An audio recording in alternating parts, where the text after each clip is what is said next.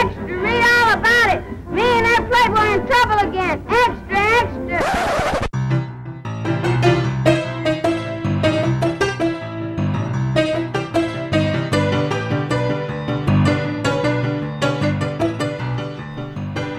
Dag och välkomna alla våra underbara lyssnare till podden En rolig historia. Mitt namn är Johan. Och mitt namn är Harry Houdini. Jag visste att du skulle göra någonting den här gången också! jag, bara, det, det, den gången du inte gör någonting kommer ju vara, ja. Intressant att du valde just Harry Houdini i det här fallet och inte eh, Jean Eugene Robert Houdin. Nu, nu hoppade vi 20 minuter fram i podden Johan. Ja, det gjorde vi. Okej, då börjar vi i en annan ände. Låt oss Eh, spola tillbaka lite. Jajamän. Denna veckan kommer vi prata om magi. Magi. Man måste börja här med att göra en väldigt tydlig skillnad på på magi i form av, av illusioner och magitrick, korttrick och sådana saker. Och, eh, och riktig magi, Precis. som är sånt som präster håller på med. Det där, är, det, där är faktiskt, det där är faktiskt en väldigt bra ingång i vad jag vill börja prata om. Jaså? ja, eh, f- för grejen är eh, att alltså, man kan egentligen dela upp magi i två läger om man säger så. Eh, på den ena sidan så har vi det här som jag tror de flesta tänker lite på när vi pratar om det. Det är den här idén om en, eh, eh, en person som underhåller någon Ja, genom precis. att visa eh, eh, eh, mm, extraordinära illusioner och, och, och, och saker. Och det kommer vi komma in på, för det finns jättemånga exempel på sånt här. Ja. Eh, Men den andra kan man säga har att göra med att det är som religion, men det heter inte religion.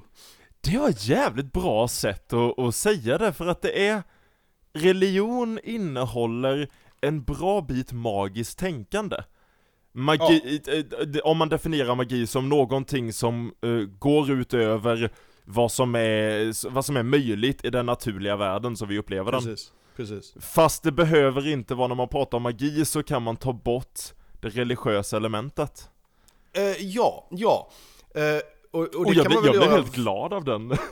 Ja men den, den är ganska talande tror jag, för, för att eh, det, det handlar mycket om det. Och det och sen så självklart så i mångas ögon som var religiösa på ett håll så var de som var religiösa på ett annat håll utövare av någon form av magi och någon form av liksom charlatanism, kan man säga så på svenska? Jag vet inte. Säkert Nu gjorde jag det. Och, det. och det är ju inte kanske så konstigt. Men sen så har vi ju även det här konceptet om att ja, men det, det är som religion, men det, det innehåller inget element av dyrkan. Du dyrkar ingenting, utan du, du, du gör det egentligen bara för att du ska uppnå någonting. Det är den här Magica the Hex grejen känner jag, det här med ja, men, att göra brygder och, och säga trollformler och Mm, det finns någonting övernaturligt bakomliggande men det är Ja. inte i fokus. Precis. Varför det, valde det, jag Magica the Hex och inte typ Harry Potter? För att eh, du är ett, ett, barn av 90-talet Linus, det är bara så. Jag är det. Den, Mm. Detta avsnittet av podden är sponsrat av DuckTales! Du, du, du, du, du, du, du. Det var ju Luftens hjältar. Fan! Jingel!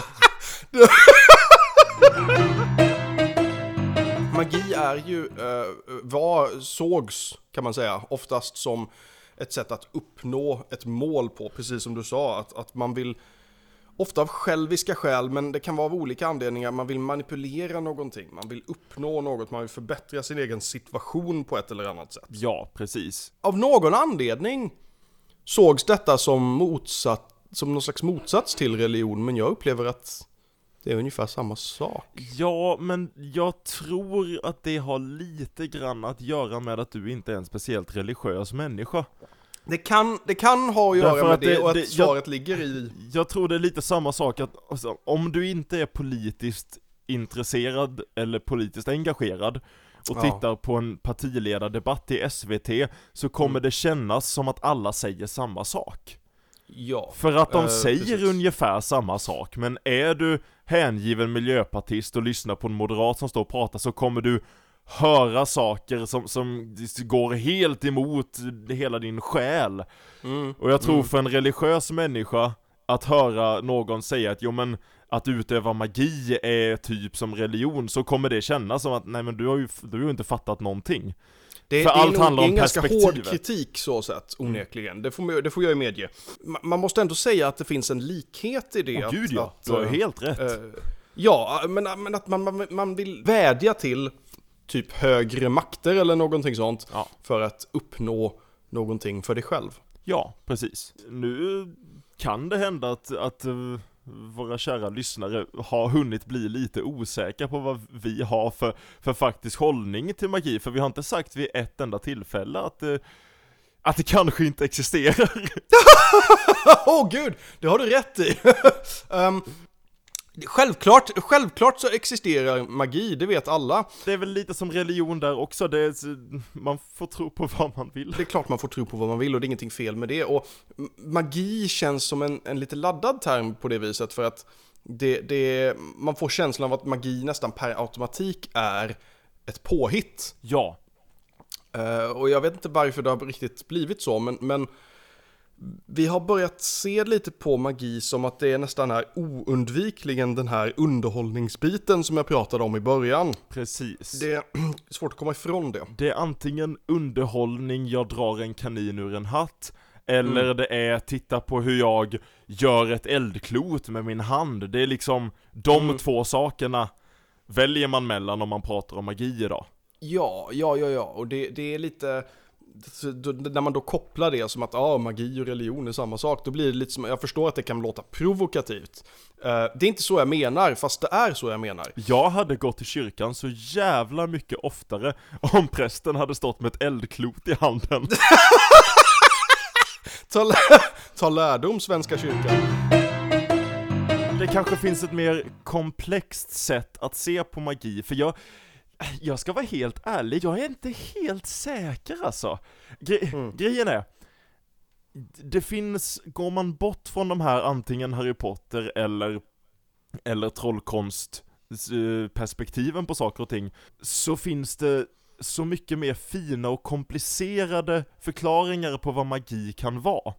Mm. Eh, bland annat så eh, vet jag i, i Sagan om ringen så, så finns det ett underbart citat som jag inte kommer ihåg Som, som eh, en alv säger till, till en av huvudpersonerna Där han säger någonting i stil med att det ni kallar magi är det vi kallar vetenskap Mm. Det vill säga att det som går över din förståelse kallar du magi för att du, du förstår inte hur det funkar. Det är fullt naturligt, det är bara att det, det är mer komplicerat än vad, vad du har förståelse för och då kallar vi det magi. Det där är ju faktiskt en ganska spännande slutsats, för jag tror det stämmer väldigt väl och i det att, ja men tänk, tänk all teknologi som vi eventuellt kommer ha i framtiden Ja, och sen titta på oss nu och så tänka att ja men då kanske hade det sett ut som magi för oss. Eh, ännu mer kanske om man hade tagit en, en Nisse från medeltiden och visat dem en modern bil. Det hade ju varit Precis. total magi för honom. precis. Ge en smartphone till Gustav Vasa. Gud, kan du tänka dig? För den sakens skull, ge, ge en smartphone till mig och be mig förklara hur den fungerar.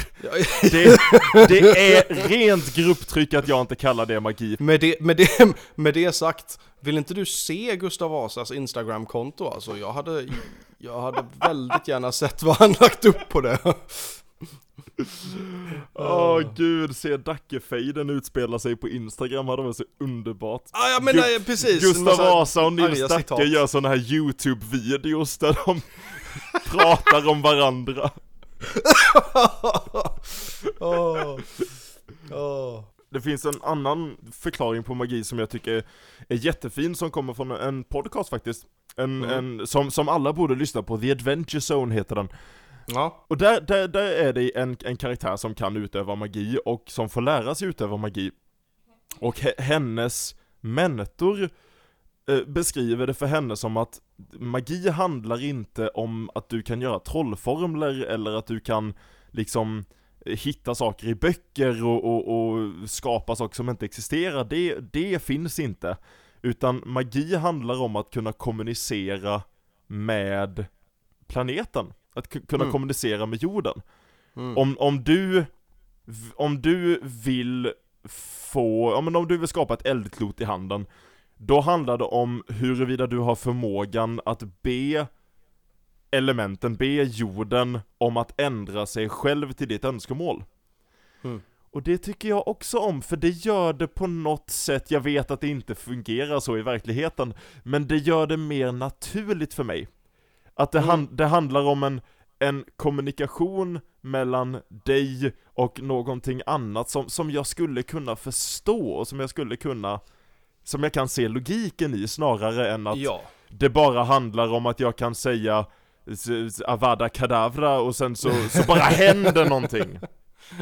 Ja men äh, faktiskt, och, det, och, det, och det, det finns ju, det har ju funnits viljor egentligen rent historiskt också som, som har velat dra det lite till den punkten med naturmagi och sådana saker. Och jag tror det finns kvar sådana viljor även nu väldigt mycket, mycket så här new ageiga aspekter och, och så vidare. Som, som känns väldigt mycket som kanske för, för vår del magi, men för dem som utövar det så är det mycket mer som att nej, men det här är bara en naturlig del av hur, hur verkligheten ser ut för dem. Prec- precis. Sen om de har fel, det tänker inte jag uttala mig om, men, men så, så ser de det i alla fall. Och det är jävligt kul för att, jävligt intressant för att när man pratar om naturmagi och, och, och naturreligioner och Mm. människor som har utövat rituell magi på det sättet, Mm. där har det ju ofta funnits väldigt mycket droger inspelade. Ja, Och liksom... och det är också en form av naturmagi kan man säga. Nej men alltså grejen är, ta tunga psykedeliska droger så kommer du uppleva saker, ni, ni kommer höra nu att jag, jag, jag pratar inte av erfarenhet Säger Linus med självförtroende kan Nej. vi säga. Mamma jag, har, mamma jag har läst om detta Jag har läst om detta i Kamratposten. Nej men ta, ta tunga psykedeliska droger så kommer du uppleva en annan verklighet som kommer kännas väldigt verklig. Och, och om du har upplevt det och inte lever i den världen där vi lever idag, där allting säger till dig konstant att magi inte finns.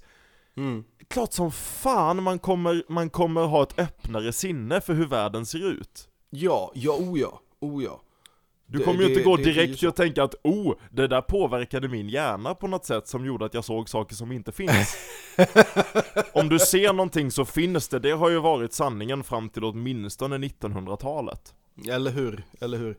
Eh, och och det, det är lite, det är lite, det är ju ett sätt att se på och det, det är klart att det, det är klart att om man lever i omständigheter då det är naturligt att ta sådana droger, vilket det i många samhällen har varit, eh, då ser jag inte riktigt varför man skulle koppla isär det från det man upplever när man tar, alltså att verkligheten är ju det man upplever den som i det här Precis. fallet. Ja. Och om man då gör det med viss regelbundenhet, ja men då kan det vara svårt att koppla isär vad är verklighet och vad är magi eh, helt enkelt. Ja, och, och det tror jag vissa människor i, alltså det, det finns nog en väldigt läskig sida av det också, för du, du har ju dels, nu ska jag försöka inte, inte koppla ihop de här två exemplen allt för mycket, men du har ju människor som lider av psykiska besvär som gör att du Mm. ser saker som inte finns. Eh, och Ja. du har, du har å andra sidan också människor som, som svär högt och heligt att de har haft ett, ett, ett religiöst uppvaknande, att de har sett Gud eller att de har sett Mm. Jesus. Mm. Ehm, och som sagt, jag säger inte överhuvudtaget att detta är exakt samma sak. Men... Men det är så jävla lätt för mig att sitta och säga att det självklart inte kan stämma. Jag förstår att det inte kan stämma. Tills det händer mig. Va, Ja, va, vad gör jag då? Vad liksom... Ja. Det, jag vet inte, det är väldigt intressant. Ja, eh, så, så är det. Och jag tror att det här anledningen att det har blivit en sån... Alltså jag tror det finns en... en, en ehm, vi, har, vi, vi är nästan födda med en inneboende eh, eh, skepticism gentemot verkligheten om du förstår vad jag menar. Att vi, Ja. vi nästan... Vi vill tro på någonting mer. Ja. Eh, och det, det, är ju, det är ju nästan biologiskt i oss. Och, och jag tror att det har gett upphov till att vi väldigt lätt blir övertygade om saker. Och inte nog med att vi bara blir det, jag tror vi vill bli det. Mm.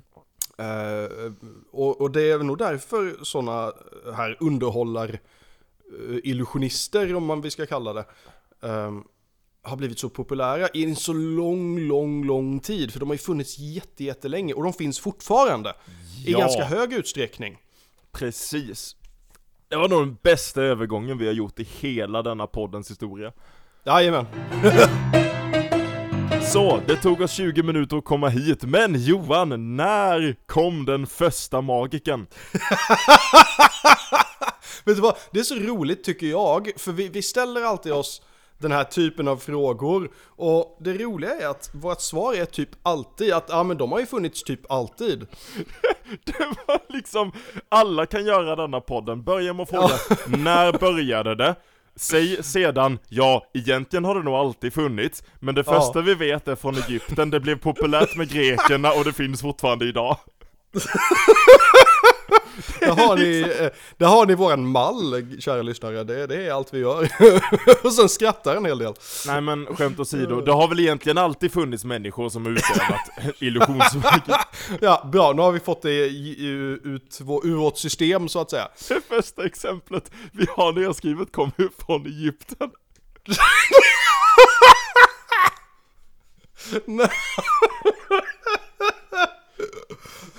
Det är i alla Ja, fall ja. det, det tidigaste jag har hittat, jag vet inte om du har hittat någonting eh, tidigare än, än från forna Egypten?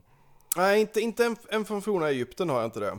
Och det säger väl något om hurdana vi är. Känner du till Dedi? Ja, det har jag hört. Dedi levde för eh, 6700 år sedan ungefär. Mm. Finns beskriven i, i eh, ett papyrus som heter Westcar-papyruset. Mhm. Och, och grejen med Dedi är att han är, vad jag har kunnat hitta i alla fall, det tidigaste exemplet på någon som utövar, in, inte som, som säger att han utövar övernaturlig magi, utan som gör ett trick. Ja. ja. Som, som alltså gör illusionsmagi. Och eh, han, det står skrivet om honom för att han, han var lite, jag antar den personliga eh, komikern hos eh, farao Keops. Mm. Eh, och, eh, och han hade lite olika trick, dels så var han en av de tidigaste som, som, eller ja, jag antar att han var den tidigaste, Eh. som utövade det här cup and ball-tricket. Mm. Man, man, man snurrar runt kopparna och sen så finns det en boll i någon av dem. Precis. Grejen är, jag antar att cup and ball-tricket var uppvärmningstricket för honom, för han hade ett annat trick som, som måste ha varit hu- mer huvudnumret. Och, när- och när jag säger huvudnumret så menar jag det väldigt, väldigt, väldigt bokstavligt talat, för det han gjorde var att han hade en gås som, som han slet huvudet av. Och sen satte han tillbaka huvudet igen och gåsen levde. Ah, okej, okej. Eh, det är inte bara... Alltså jag älskar, förlåt, jag, bara, jag älskar historier som börjar med Det var så att han hade en gås. Det är, bara, det är, min, det är min favorittyp av berättelse. Han, han hade sett en, en tidigare trollkarl som bara slet huvudet av gåsen och sagt att jag kan göra det där bättre. Precis. Han, han, har, han har lite bra poänger, men jag kan nog överglänsa. Någon annan som har en gås, jag har gått igenom tre, fyra stycken nu. Japp. Men, nej men och, och, och det låter ju helt sjukt. Eh, jag har sett en trollkarl som gör detta, fast han gjorde det med en duva. Mm. Som, som till synes då, sliter huvudet Ja. av en duva och sen Mm. sätter tillbaka då duvan lever. Det är ju självklart inte det som händer. Jag antar att det Eh, nej. finns antingen en, en, en låtsasgås, eller nu var det här 6000 år sedan, så möjligtvis två, två gäss. Det är som, se hur jag sliter huvudet av gåsen, och nu lever den igen, och bryr inte om den här andra döda gåsen som ligger Nej, här utan precis. huvud, den här har varit där hela gåsen tiden. som springer runt, runt hela scenen. Den, den är, det är inte samma gås, det är helt orelaterat. Det roliga med det, det var att han, han blev rätt känd för det här gåstricket. Så han, Ja. han, han utvecklade det, han använde också duvor, han använde ankor, och om man ska tro de egyptiska skrifterna, så gjorde han exakt samma trick med en oxe. Nej! Kan du förklara för mig hur det fungerar? Då, alltså grejen är att där hade det ju räckt med att bara slita huvudet av en oxe helt ärligt. Det, hade, det räcker gott och väl för mig. När man pratar om illusionsmagi pratar man ofta om sleight of hand. Det krävs en Ja. jävla sleight of hand för Det, det kan man minst sagt säga. Herregud, han måste ju huggt av huvudet eller någonting sånt där. Jo men hur fan får du på det igen? Ja, gud. Nej, jag förstår inte, men jag vill liksom se honom gå in med en oxe och ta tag i hornen och du vet, slita av huvudet så bara nej nej nej, vänta, vänta, vänta. Vä- vänta, det kommer mer. Men ja, det var allt jag hade om Deddy. ja, ja, men Deddy, lite speciell. eh, eh, han, han, eh, ja. Deddy eh, dödade rätt mycket djur. Jag skulle tro att han gjorde det, han var nog ingen djurvän. Nej, även om han var eh, vän till djuren så var nog inte djuren hans vän om man säger. de, de hade nog sina, sina, eh, sina åsikter så att säga. Ja, nej men alltså det här är ju, det här är och, och grejen är att det finns ju många exempel på sådana här individer runt om i historien och vi skulle kunna ta upp hur många som helst. Ja, det, Ja. vi, vi, man får ju försöka att inte göra detta till bara namedropping Ja, avsnitt, för det finns så Eh, många. Det finns det och, det och det är av en anledning. Det har varit väldigt populärt. Grejen är, i min uppfattning, och nu får ni ursäkta om jag är lite trångsynt här, men jag tycker de är ungefär samma typ av, av liksom de gör ungefär samma sorts saker. Eh, det går ut mycket på att ja, men vi ska trotsa eh, vad som man tror är omöjligt egentligen. Ja, precis. Man ska göra någonting som är bara, bara till synes omöjligt och sen gör vi det. Och, och vad det handlar om är ju illusion egentligen. Det är därför man ofta kallar det för illusionism. Ja, Eh, man, man, man, man, man, men man medvetet ljuger för publiken och jag tror att väldigt ofta har publiken varit medveten om att nej, någonting här är inte liksom, det är inte så egentligen. Eh, Men de, de lurar oss, men vi går med på det. precis. För speciellt idag så är ju termen magiker lite, lite, illusionist är ofta vad folk som jobbar med det här idag vill bli kallade. Just för att det handlar inte om att jag tror på att det här är på riktigt, jag vet att jag eh, ljuger, ni vet att jag ljuger, men vi, vi går alla med på att, att låtsas. Det är lite som att titta på en Marvel-film. Ja, Ja men li, det är lite, vi vet att Hulken inte finns, men vi går med på att just nu är han där.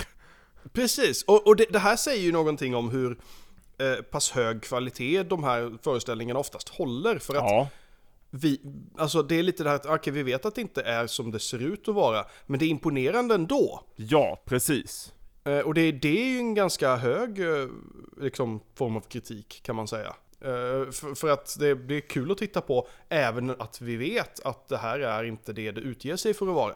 Precis. Och ofta så har man ju även eh, man kan dra en jämförelse till, nu drar jag en jämförelse till film och kollar man eh, på filmer som, som spelades in för hundra år sedan och vi tittar på dem idag så ser vi att vi vet att folk på den tiden tyckte det var helt fantastiskt vilka specialeffekter man hade men idag så tänker vi att ja, jag, jag ser trådarna liksom.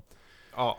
Men jag skulle kunna tro att om jag åker tillbaka 500 år i tiden, eller 6000 år och tittar på Deddy som sliter huvudet av en gås Jag tror jag hade blivit hänförd av det då, det, det är Mm. inte, det har inte den här eh, komponenten av att vi behöver utveckla specialeffekter som blir mer och mer trovärdiga, utan det handlar om en mänsklig kunskap, en mänsklig färdighet liksom, som jag tror att man har haft Precis. hela tiden. Ja, och det här är, kan man ju likna vid väldigt mycket den typen av människor som vi pratat om innan. Typ strongmen och, ehm, Ja! mm, och, och olika så- så här, runt kringvandrande eh, underhållare egentligen, som har alla möjliga olika tricks och så. Och så för att, eh, Precis. eh, cirkusar till exempel, det, det, det har ju alltid varit Ja, men man, man ska underhålla med fantastiska saker och så, men, men vi vet kanske att någonting är det ju de, de gör för att eh, få det att verka på ett sätt som det inte är. Men, men ändå så, så blir det eh, fascinerande. Men vi lägger undan den här biten av oss som säger att det kan inte vara så här och så låter vi den här delen av oss som säger jag ser detta så det måste vara så. Vi låter den biten ta över, vi, vi, och, det, och det måste man få göra. Jag tycker det är, världen är så... Ja, i- i- som du säger, alltså det är ju precis det vi gör varenda gång vi ser en film. Ja, ja men det är ju det.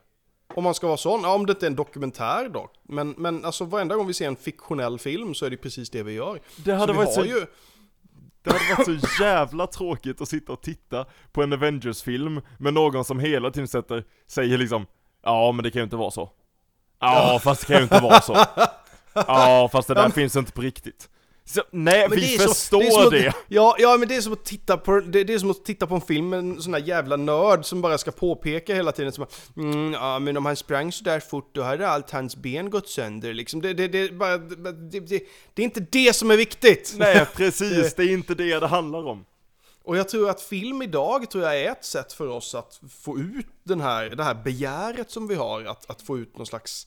För, för, för, Okej, för nu ska vi bli filosofiska. Jag tror att vi alla har någon slags begär att se saker som är fantastiska. För Ja. att alltså, verkligheten kan vara rätt hård och, och brutal och oförlåtande. Och därför tror jag att vi människor mår bra av att få eh, leva oss in i en fantasi ganska ofta. Precis För att komma undan. Och, och det har vi ju mer möjligheter idag än vad vi någonsin haft. Men även förut, man hade böcker, man hade alla möjliga former av underhållning, man hade berättare. Och, man hade sånt här. Man hade liksom människor som kunde, för, om än för en stund, lura dig att ja, men, det här är fantastiskt, det här är mer än vad du tror. Världen är ganska färgstark, även när den inte ger eh, upphov, verkar vara det. Vil, vilken del av historien du än har levt i så har det ju funnits en grå vardag som vi vill bort från. Antingen så är det 30-åriga amorteringslån eller så är det tanken att ja men jag kommer dö av pesten imorgon.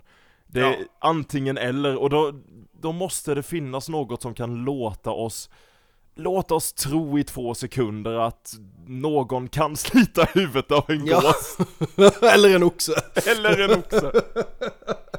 Nej men som du säger det så fint att visa att världen kan vara fantastisk. Och, och, och du förstår inte allting, jag tror att det kittlar oss också att få se någonting som vi säger, jag kan inte förklara detta. Ja, ja, ja, jag tror det är... Och det, det, det sätter sig ju i huvudet på en.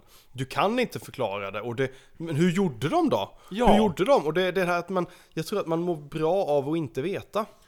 Precis, jag tror inte man ska, och jag är så jävla motsägelsefull här för att om jag ser ett trick på, på, på youtube så, så vill jag ju direkt googla liksom, men hur gjorde de det?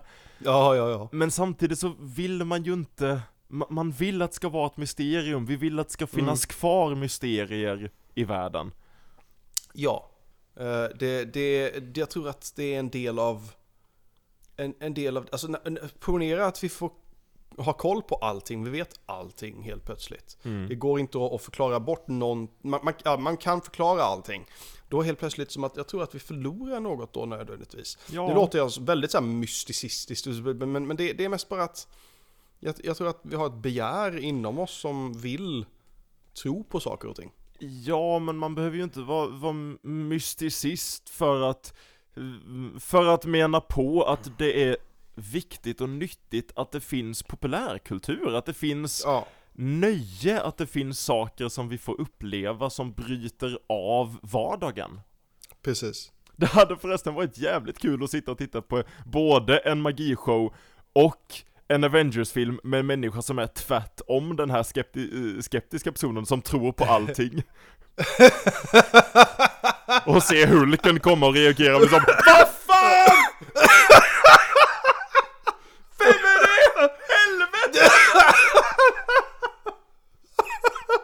Gud. Det är lite så det hade varit om man hade sett eh, eh, en, en Avengers-film med någon från typ 1700-talet känns det som. precis.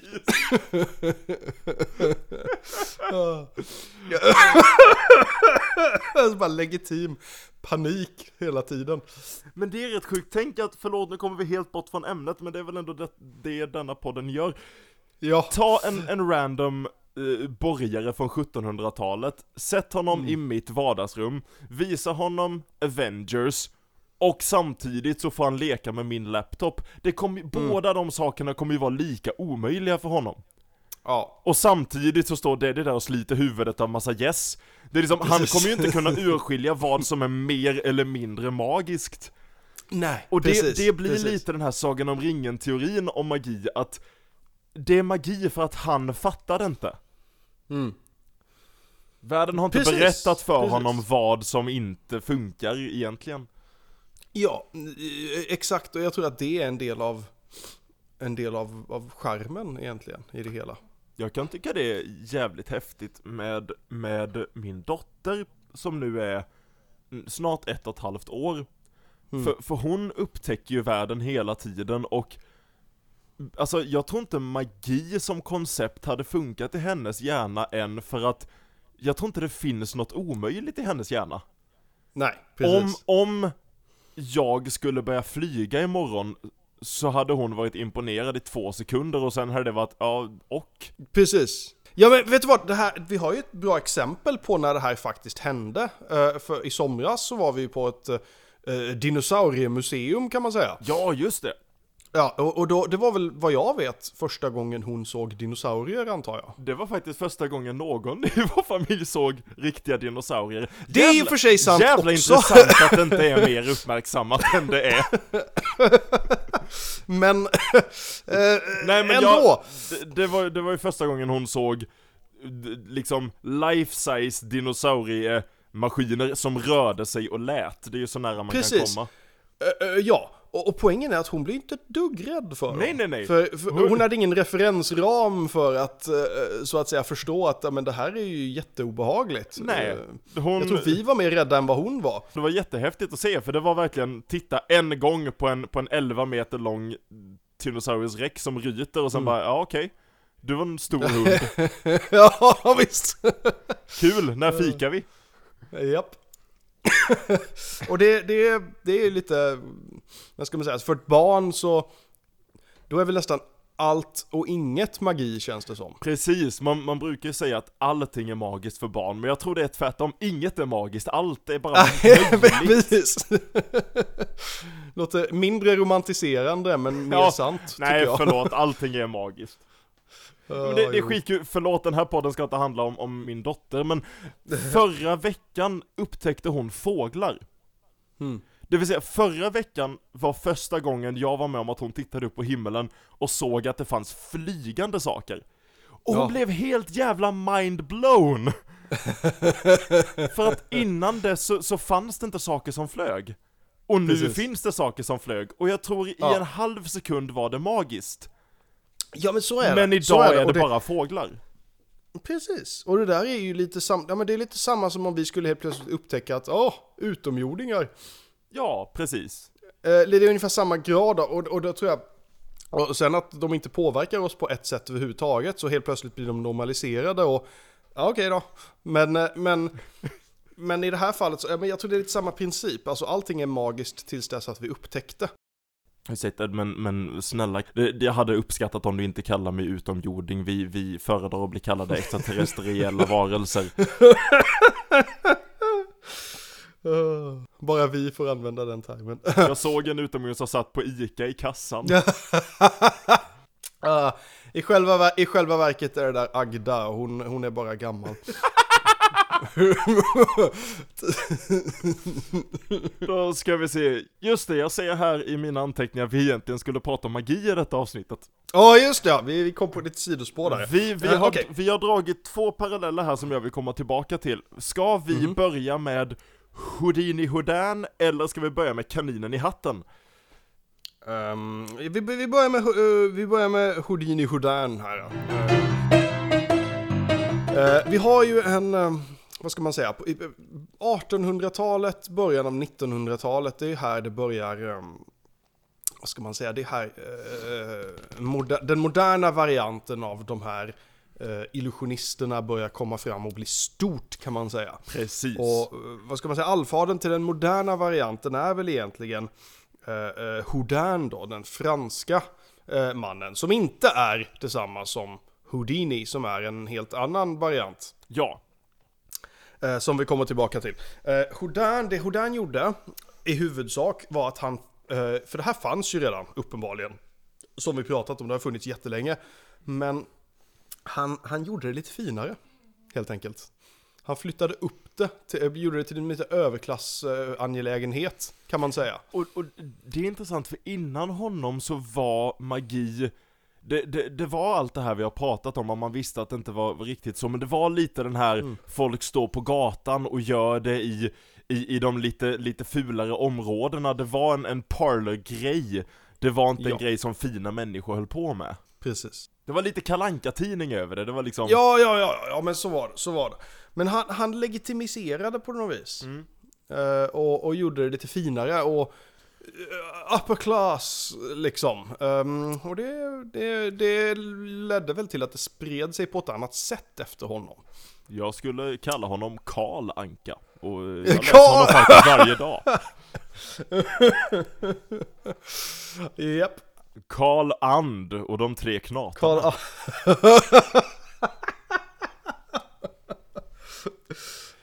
I alla fall, eh, men sen har vi ju då eh, liknande som kommer efter. Den mest kända är ju då Harry Houdini. Det var inte Ja. hans riktiga namn, uppenbarligen. Nej, han tog ju det namnet eh, för att hedra Houdin Mm. För att liksom minnas eh, honom, för han var ju mycket av en förebild för honom Ja, ja han var ju först med, eller först Och- var han inte, men han var ju, ja. Harry Houdini är ett sånt fint exempel därför att han gjorde, han gjorde bland annat trolleritrick Men han gjorde också saker som, som bara som bara inte kändes möjligt. Han var ju väldigt känd för att han, han blev inlåst i, i kassaskåp Ja. och, och sådana grejer och lyckades bryta Precis. sig ut. Vilket Ja. inte på, i, egentligen har något magiskt element, det är bara att man går ändå därifrån och tänker hur fan gjorde han det?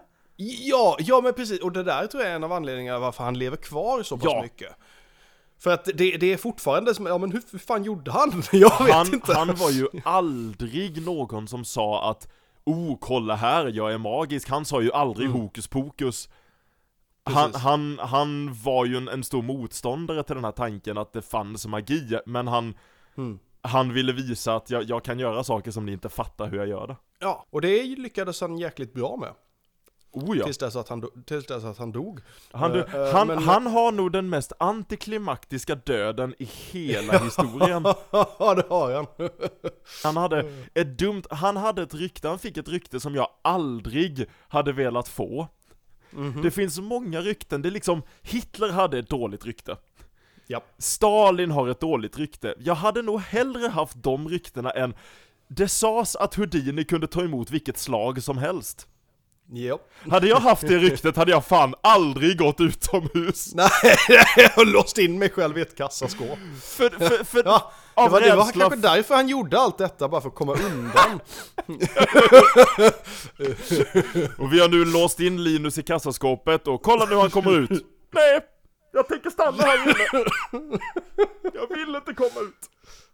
Nej, han var på en föreläsning på 20-talet och på ett college och det kom fram någon dum jävla collegeungdom som ville kolla så här. Åh, kan han ta uh, vilket slag som helst, slå honom i magen och hans blindtarm tror jag det är som, som spricker och så dör han. Mm. Ja, Det är så jävla Ja, men antiklimaktiskt. för, för det, det är vad som händer om man blir slagen i magen när man inte är beredd på det. Men, men, Precis. men det är som att...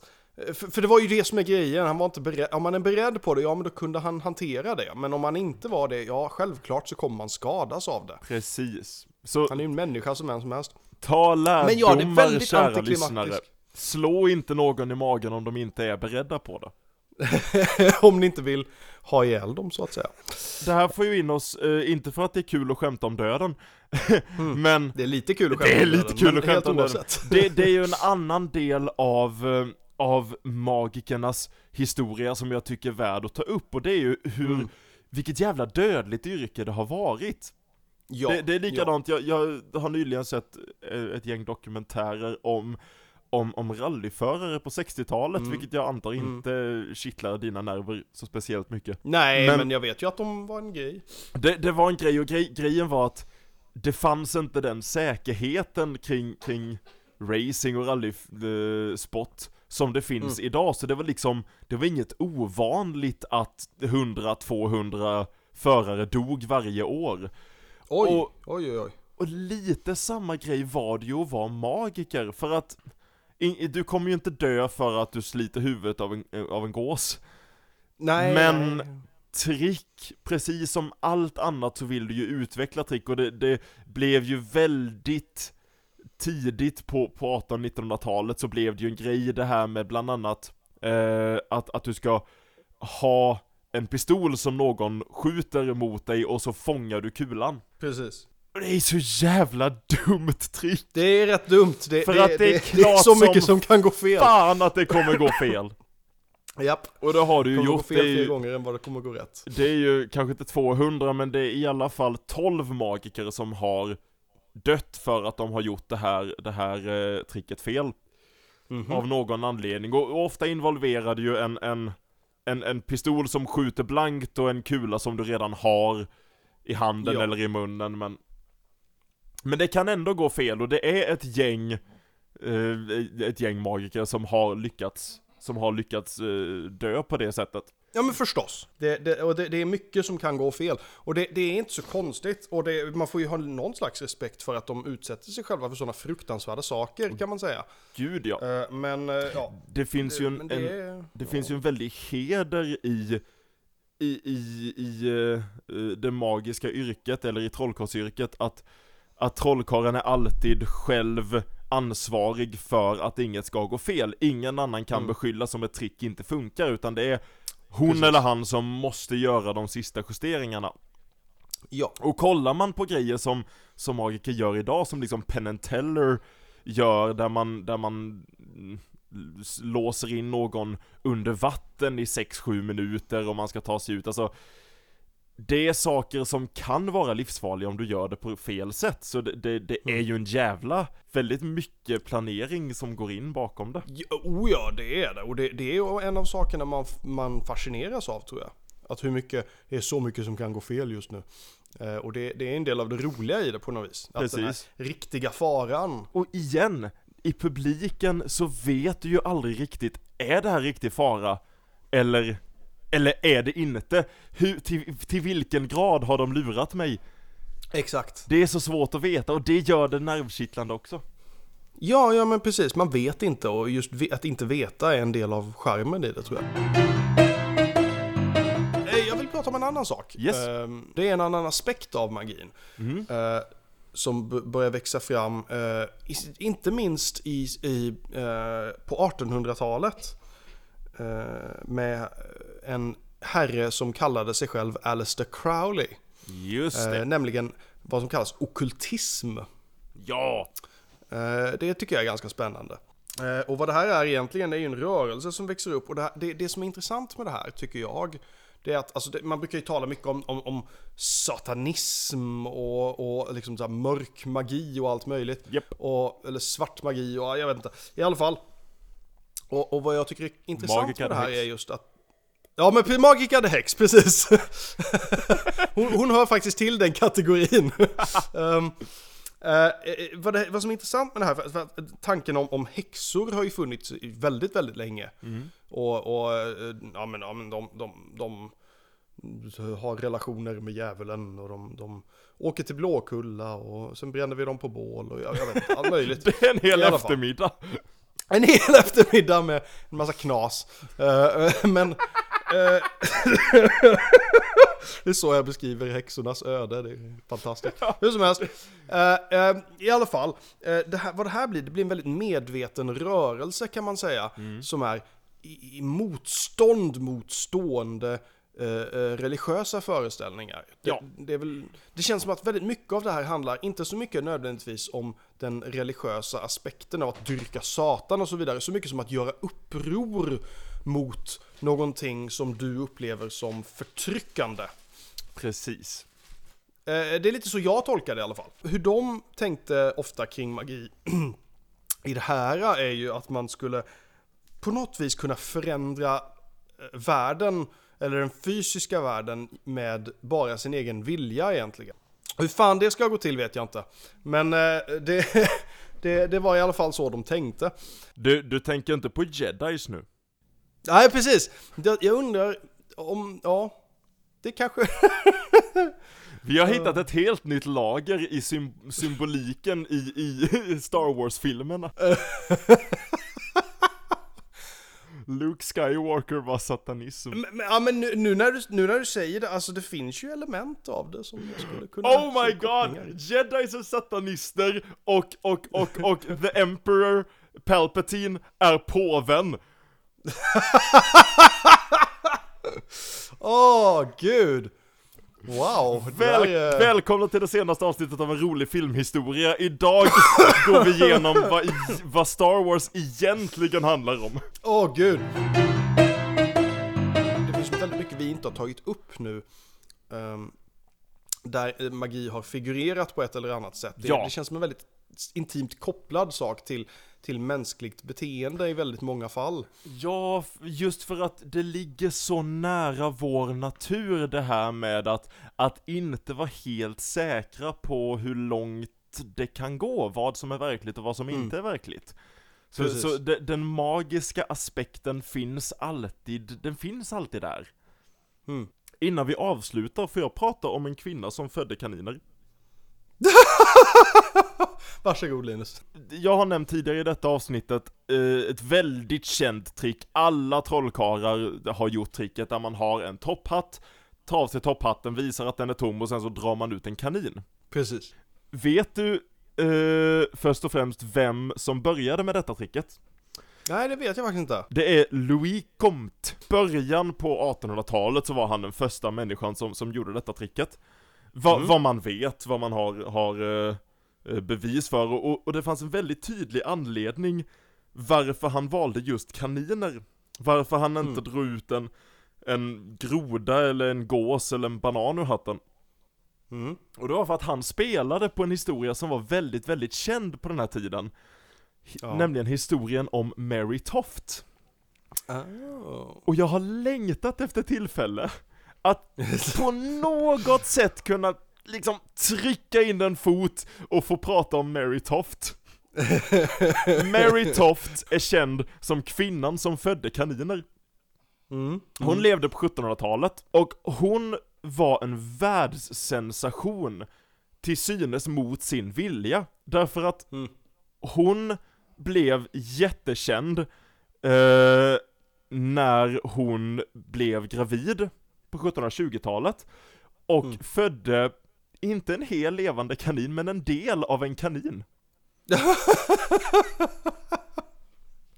och, och, och, och liksom ingen förstod f- förstod vad fan som hade hänt och liksom folk sa att nej men det här är ju, det här är ju eh, antingen är det lögn eller så är det fake eller vad fan det nu är. Men, Mm. men, men det här fortsatte och hon, hon liksom var rätt rädd för detta. Hon tog hjälp av läkare som sen blev överläkare som sen, blev liksom läkare som kom in från andra länder och övervakade henne liksom.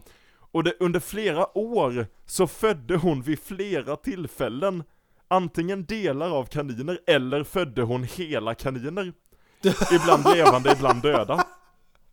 Oh. Och ingen kunde, det här var liksom ofrivillig magi, det här var under flera år en nyhetssensation för ingen kunde förklara hur det hände. Mm. Och till slut, för att, för att, för att göra en, en väldigt lång och, och sjuk historia kort, så till slut så satte de henne på sån så här husarrest nästan, de, de övervakade henne under flera månader, dag och natt. Ja. Och, och då födde hon inga kaniner under den tiden och sen framkom det att hon hade samlat ihop kaniner och kanindelar och, ja, spoiler, stoppat upp i sig själv och sen fött ut dem. Ah. Också smått antiklimaktisk slut på sagan, men jag tycker ändå om att hon, hon, för hon hade ju gjort detta som ett hoax, hon hade liksom lurat hela världen. Och jag lovar att när hon var mitt uppe i det så var det flera människor som ändå man satt i fikarummet och diskuterade detta, och jag lovar att åtminstone en tredjedel var liksom, ja men kanske ändå. Ja. Fan, seriöst, vad vet vi om världen? Vad, vad är... Låt oss vara ärliga, vi tror på en, män, en människa som, som blev uppspikad på ett kors och sen kom tillbaka från de döda. Är det så jävla otroligt att en kvinna föder kaniner? Man, man kan, hon fick världen att ifrågasätta vad som var fysiskt möjligt. Ja, visst, visst. Med ett vä- man ändå ge henne. Ett väldigt annorlunda sätt än vad, vad dagens trollkarlar gör. Jag undrar hur hon kom på detta. Nej men vad var första tanken liksom? Oh, det var en god kaningryta. Ja. Vad fan ska jag göra med bitarna som blev över? Hmm. Hmm. Ja, precis. Ring ring! Ursäkta doktorn? Jag har lite ont i Ja. magen, kan du komma förbi? Jag...